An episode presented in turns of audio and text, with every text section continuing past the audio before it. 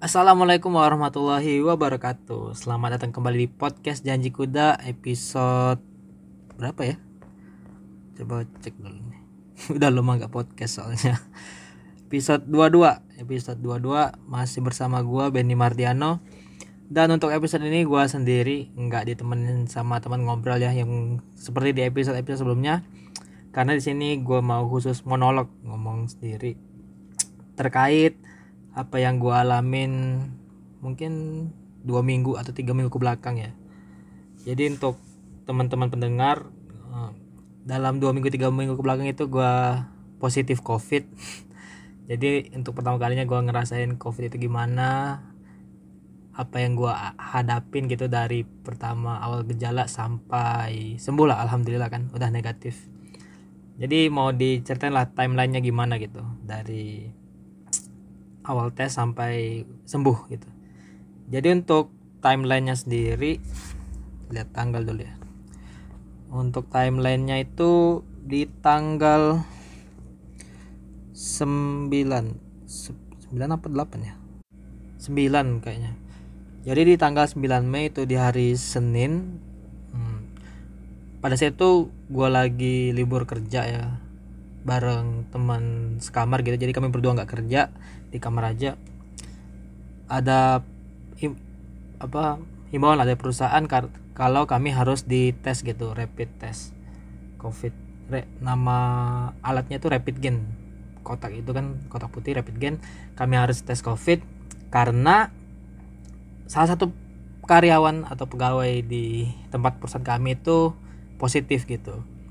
Dan kebetulan orangnya yang kerja sering bareng kami. Jadi perusahaan mungkin ngelihatnya sebagai apa ancaman lah gitu kan. Jadi untuk keamanan jadi kami dites juga walaupun dalam keadaan libur. Jadi perusahaannya yang ngedaki dengan kami gitu kan di kosan. Kami dites dan bener kami juga positif covid gitu. Di tanggal 9 Mei.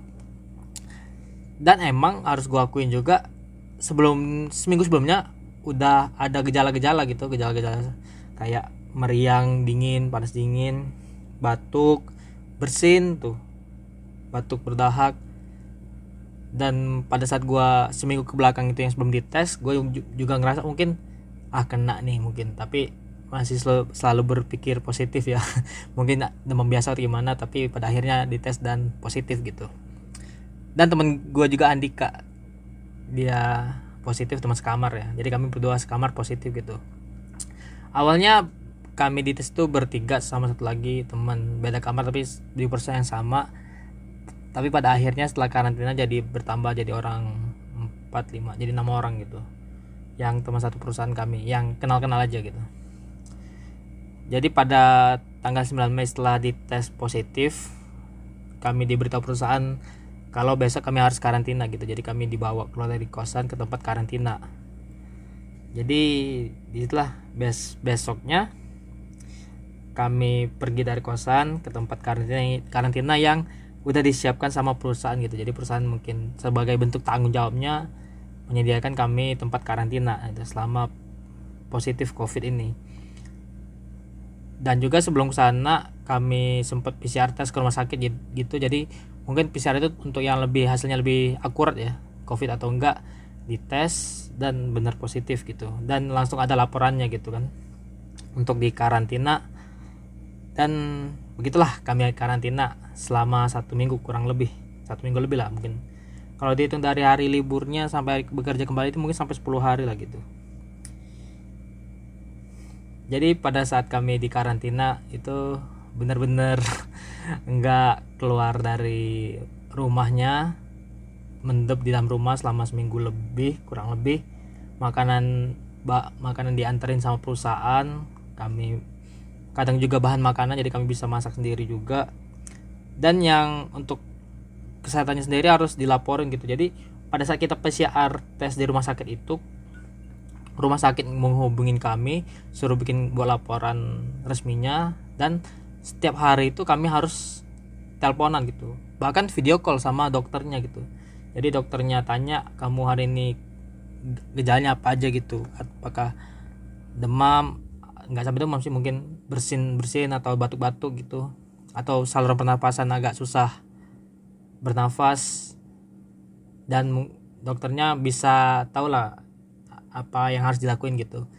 Dan pada saat PCR-nya di rumah sakit itu juga kami langsung dikasih obat ya.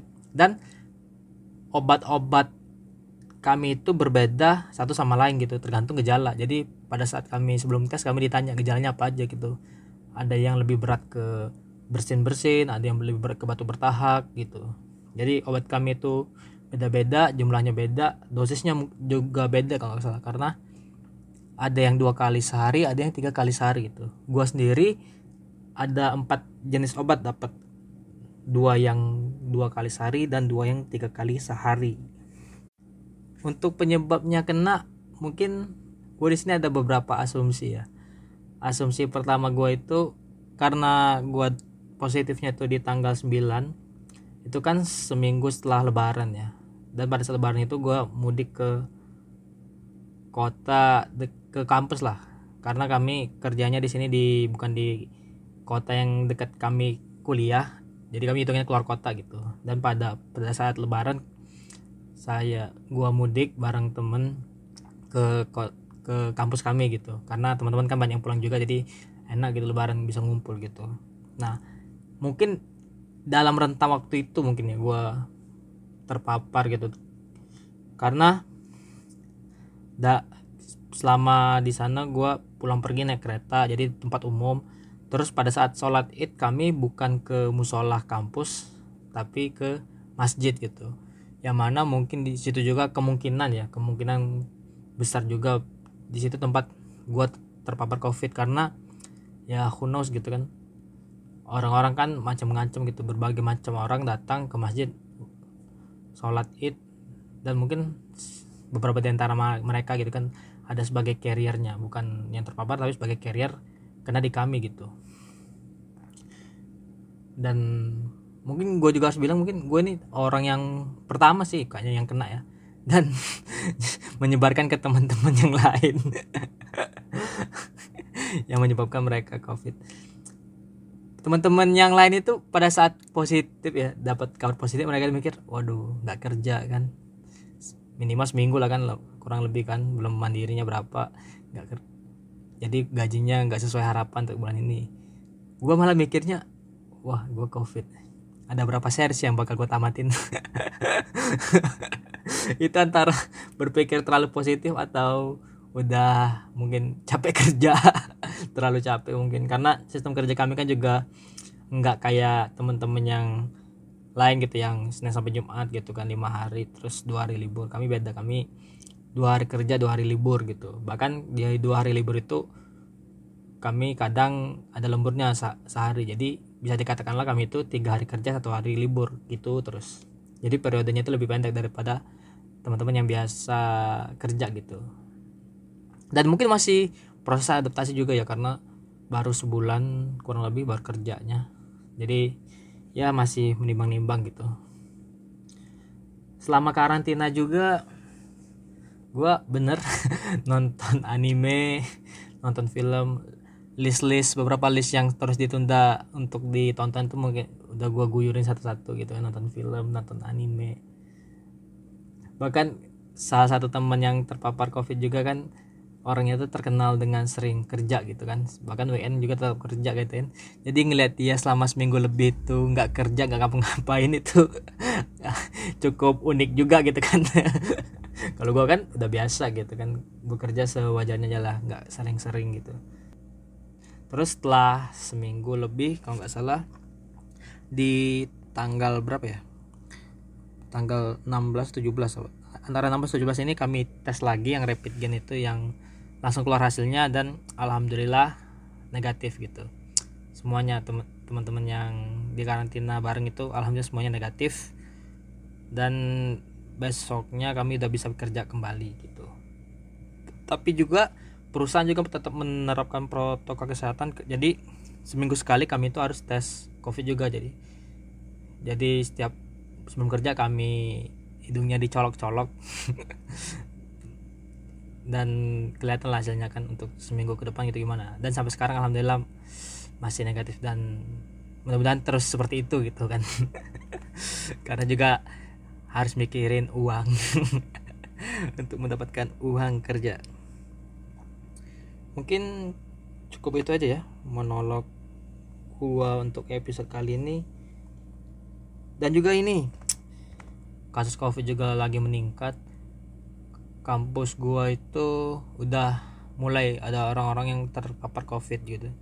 Jadi dari teman dekat gitu teman satu kosan tuh setelah kami yang covid kemarin ya teman-teman yang di kampus itu ada beberapa info juga ya ada yang kena gitu kan jadi mungkin untuk episode berikutnya mungkin gua mau ngobrol lah bersama mereka kan.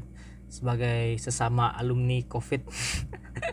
Jadi di Taiwan kami di sini double degree. Ingin ngobrol-ngobrol lah. Gimana rasanya kan? Terus apa sih yang dilakukan kan selama karantina gitu kan? Di mana kan nggak keluar dalam satu tempat dalam kurun waktu seminggu atau bahkan lebih gitu mungkin cukup sekian episode eh, podcast janji kuda episode ke 22 bersama gua Beni Mardiano terima kasih sudah mendengarkan. Wassalamualaikum warahmatullahi wabarakatuh. Zaijian. Bye bye